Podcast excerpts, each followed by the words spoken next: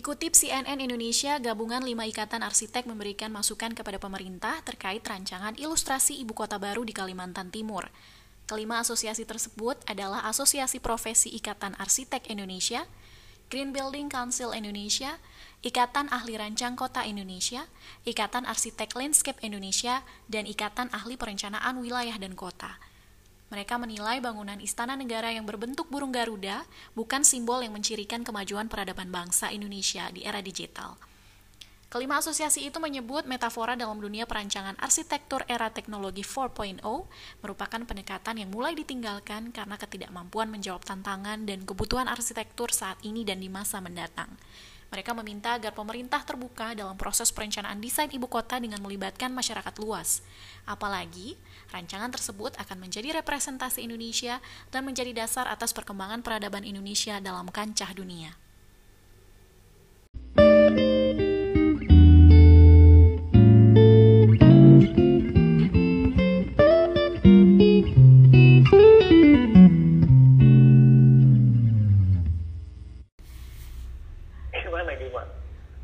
Kamu nih sebagai arsitek muda kebanggaan kota Sabang.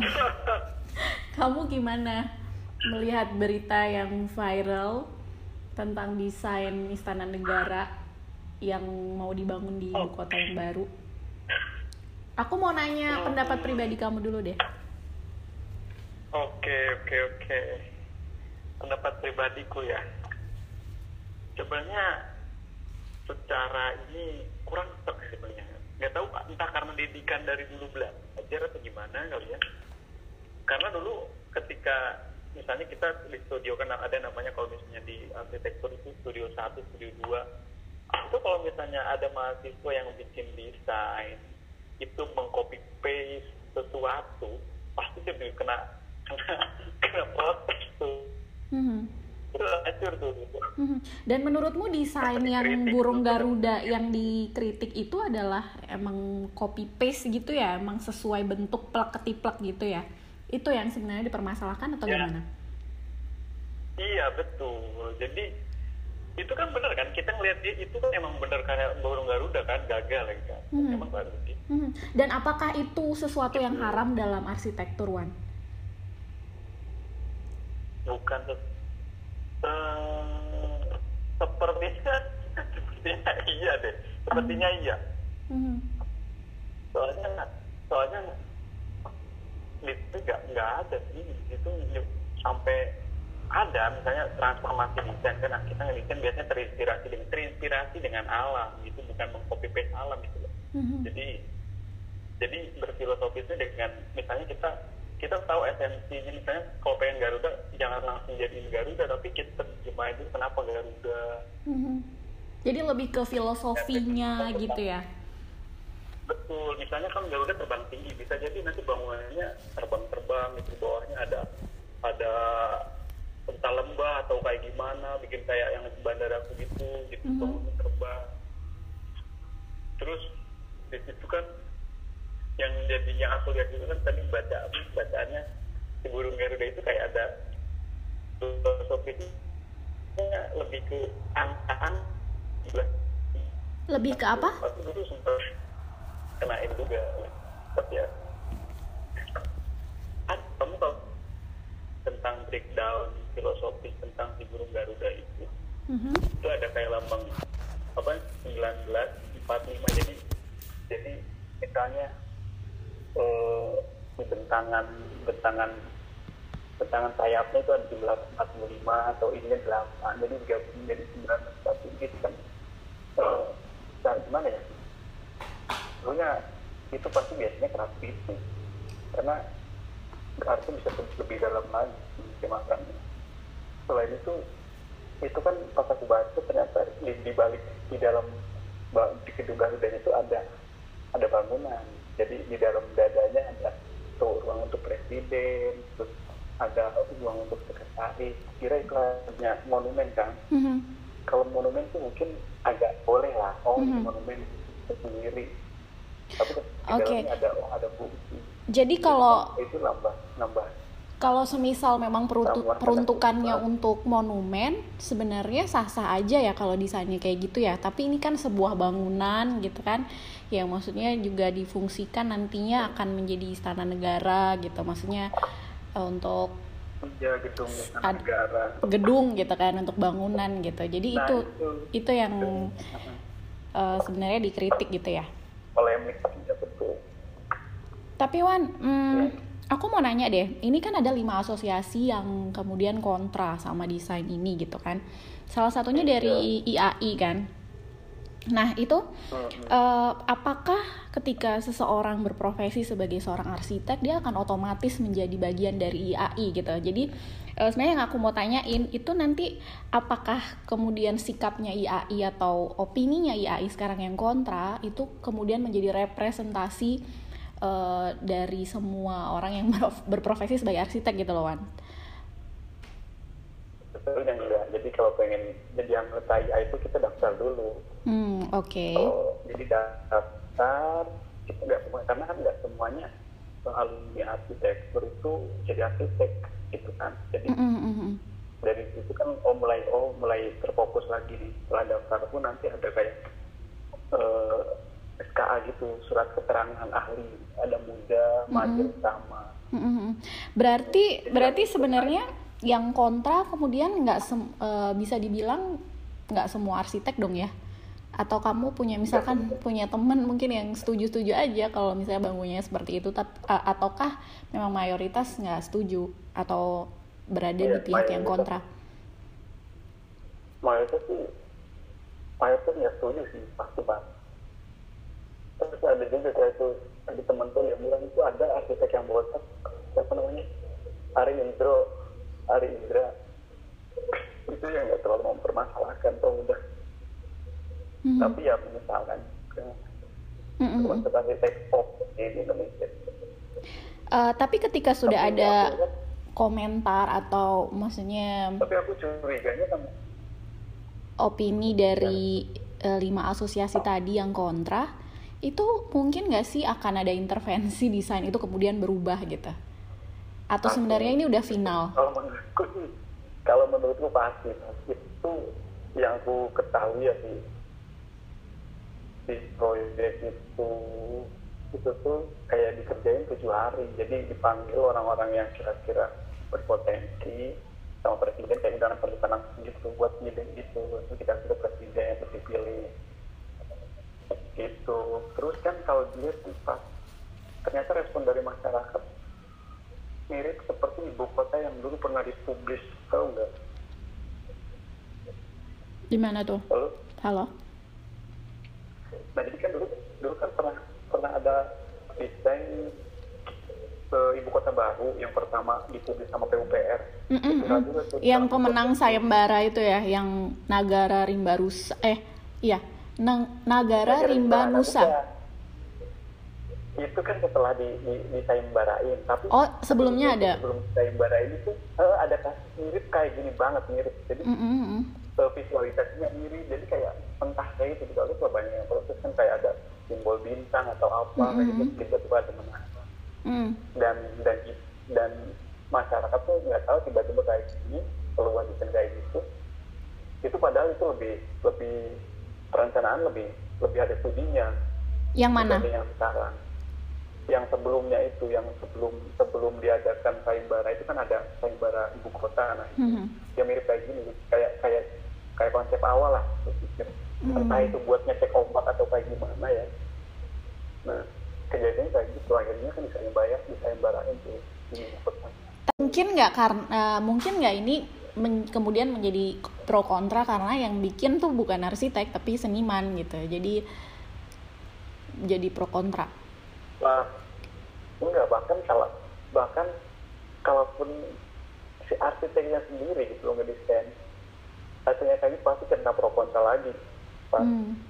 ya mirip-mirip yang kemarin juga yang ibu kota ibu kota kasusnya kayak gitu juga itu yang desain kan perencana mm -hmm. perencana gitu arsitek para para arsitek yang ingin uh, tapi Wan gini kemarin itu kan sempat ada sayembara desain ibu kota baru dan yang pemenangnya adalah Negara uh, Rimba Nusa itu kan dari Urban Plus ya kalau nggak salah. Nah itu Iya. Itu kan dia juga mendesain istana negara juga, Astana ya. Indonesia Raya gitu. Um, aku pikir, aku pikir ketika misalkan sudah disayembarakan, kemudian sudah ada yang menang, itu adalah uh, desain yang final gitu akan di akan dieksekusi gitu. Tapi ternyata enggak ya tetap uh, buktinya di istana negara yang kemudian terus muncul desain Garuda ini kan beda jauh kan sama yang didesain sama Urban Plus gitu. Itu memang seperti itu ya Wan. Jadi sayem sayembara bukan berarti kemudian yang menang uh, desainnya gitu akan dieksekusi bukan berarti selalu seperti itu ya Ya betul itu pertanyaan menarik nih. Jadi jadi kan di sayembara master plan urban design itu mm -hmm. kalau di aku pernah baca buku ya. Jadi kita mendesain master plan itu sebuah visi. Tapi di situ ada proses. Jadi di proses itu pun bakalan berganti tergantung situasi politik, mm. tergantung situasi apa. Mm -hmm. Jadi nggak bisa kita di urban design atau perencanaan misalnya membuat visioning di sebuah daerah mm-hmm. itu di situ nggak bisa kita benar-benar fokus ngikutin situ bakalan terlibat beberapa kepentingan misalnya orang-orang politik lah yeah. orang-orang mm-hmm. misalnya yang punya pangkat pemimpin itu itu emang udah teori udah mm-hmm. bakalan ada perubahan gitu mbak karena mm-hmm. karena itu bagian itu bagian dari uh, karena jalan itu tuh bagian dari urbanisan gitu loh kan mm-hmm. jadi yang memungkinkan pasti ada perubahan uh, ke mm -hmm. tapi kalau prinsip utamanya nggak bakalan berubah kayak kalau konsep uh, peletakan misalnya mm -hmm. di belakangnya apa apa, apa titik-titiknya itu mm -hmm. sesuai koordinat nggak nggak bisa jauh beda.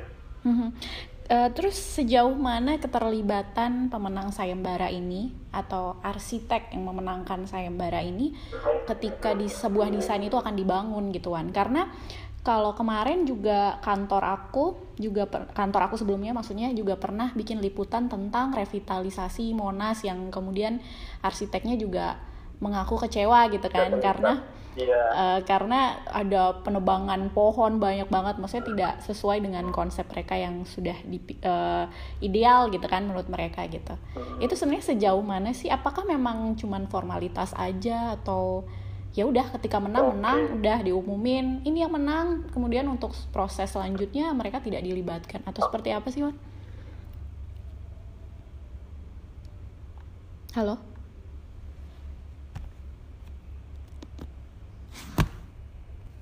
Oke nah pas banget nih aku sempat dapet info kalau di situ sebenarnya pas ketika sayembara penunjukan sama presiden untuk yang gedung istana merdeka ini eh, orang-orang IAI pun ikut hadirkan kayak urban itu masuk rapat pertama di situ kan sebetulnya ada beberapa rapat tuh yang dibaca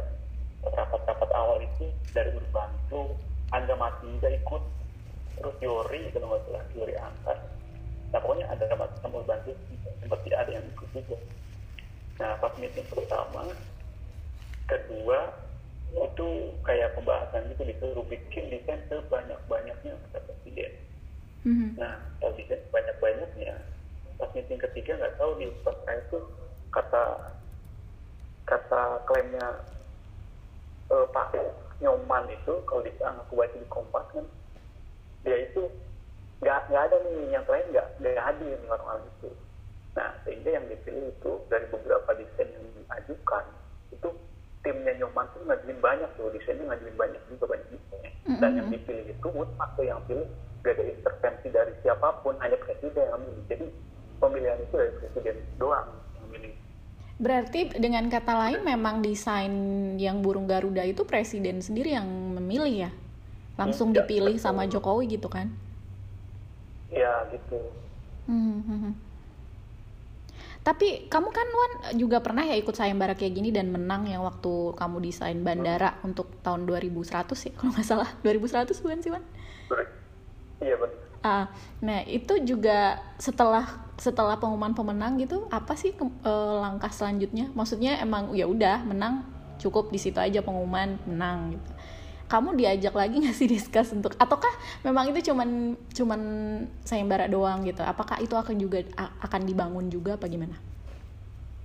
Oke jadi lomba kalau dari lomba ini aku jawab yang mana kamu ceritain dulu dong itu lomba apa sayembara apa siapa yang mengadakan? Okay, bisa cerita okay. dikit jadi untuk yang Fempress ini itu Fempress Global Challenge itu sayembara tahunan yang diadakan sudah mulai dari tahun 2013 oleh konsultan arsitek di USA di Denver. Jadi ngumpulin ide-ide mahasiswa buat mendesain sebuah bandara di masa depan pada tahun 2001 gitu. Jadi emang dia ngumpulin konsep-konsep gitu karena kan studio arsitek si yang ada itu namanya kan Pinterest Arsitek. Nah dia itu fokus di ke public arsitektur. Salah satunya kan bandara. Ya, bandara mm. salah satu uh, apa namanya hal yang dijual mereka lah. Dia mereka itu concern banget ke bandara. Mm-hmm. nah jadi jadi selanjutnya ya nggak ada sih. Maksudnya ya itu menjadi kayak kembali lagi ke kita si karya itu sepenuhnya kembali buat kita aktifnya ke kita jadi ya mungkin dia bisa jadi bahan uh, brainstorming misalnya engineer lain kayak misalnya anak-anak SMP mm-hmm. kalau nggak anak-anak uh, apa namanya elektro lah ya. jadi yang ngebahas ini gimana caranya bisa bikin gedung kayak gini dia pakai konsep-konsep kayak buat hmm. memantik kayak gitu jadi untuk memantik ide-ide lain gitu. Jadi uh, berarti setiap ada sayembara gitu-gitu tuh nggak mesti harus dieksekusi ya Wan ya? Bisa jadi itu um, sebagai salah satu platform untuk mungkin para profesional untuk menambah portofolio mereka gitu kalau mereka menang di situ. Betul betul. Iya betul. Secara singkat jawabannya betul. Cuman kembali lagi ke tema utama sayembara karena kan sayembara itu ada store. Kalau nggak ada store itu bahasa Indonesia apa kerangka acuan kerja ah iya betul kerangka acuan kerja kakak mm-hmm. nah jadi kalau misalnya kakaknya itu menjurus langsung untuk dibangun mm-hmm. itu ada mm-hmm. biasanya sayembara sayembara profesional tapi kalau misalnya sayembaranya lebih ke konsep gitu loh kayak misalnya buat buat ngegali ide aja itu ada juga mm-hmm. gitu jadi kembali ke keakannya mm-hmm. Kadang-kadang dari misalnya misalnya ya dibangun. Kalau misalnya arsiteknya beruntung ya ada yang manggil investor. Misalnya aku tertarik nih dengan desain yang ini. Yuk kita bareng kita kembangin bareng itu ada. Mm-hmm. Mm-hmm. Uh, tapi balik lagi ke kasus yang ini yang desain burung Garuda ini kasus-kasus um, serupa kayak gini Wan sebenarnya lumrah nggak sih terjadi? Um, ya kita nggak usah ngomongin lingkupnya misalnya Indonesia gitu. Jadi ketika misalnya ada di apalagi ini kan istana negara gitu kan di ibu kota baru gitu. Uh, sebenarnya yang kayak kayak gini ini pernah terjadi nggak sih sebelumnya? Uh, misalkan ada yang mau bikin bangunan apalah entah apa itu terus kemudian dapat sorotan dari kalau di Indonesia IAI gitu misalkan. Sebagai uh, apa ya maksudnya lembaga yang mewadahi profesi arsitek gitu kan di Indonesia ya kalau kata aku sih kalau yang berhubungan dengan publik ya mm-hmm. pasti ada sih soalnya kan uh, itu kan apalagi kan kayak misalnya di kalau tentang Indonesia gitu dia membawa nama Indonesia apalagi nanti negara luar menyorot ini apa gitu mm-hmm. maksudnya itu jadi jadi persoalan persoalan yang masuk gitu persoalan bukan persoalan buat segelintir orang kecuali kalau misalnya kita bikin perumahan mm-hmm. maksudnya kalau perumahan dan kliennya udah sedikit orang ini mau bikin kayak apa pun siapa peduli nggak ada yang ngelirin juga karena mm-hmm. kalau ini kan banyak yang jadi sorotan proyek-proyek itu dan ini pokoknya proyek-proyek yang gede yang kira-kira bakal bakalan ngabisin uang banyak uang negara yang banyak mm-hmm. itu pasti perotan tapi kalau kamu mau ini mungkin uh, terakhir ya Wan. Biar aku nggak biar aku nggak banyak banyak ngeditnya. Jadi ngobrol singkat okay. aja.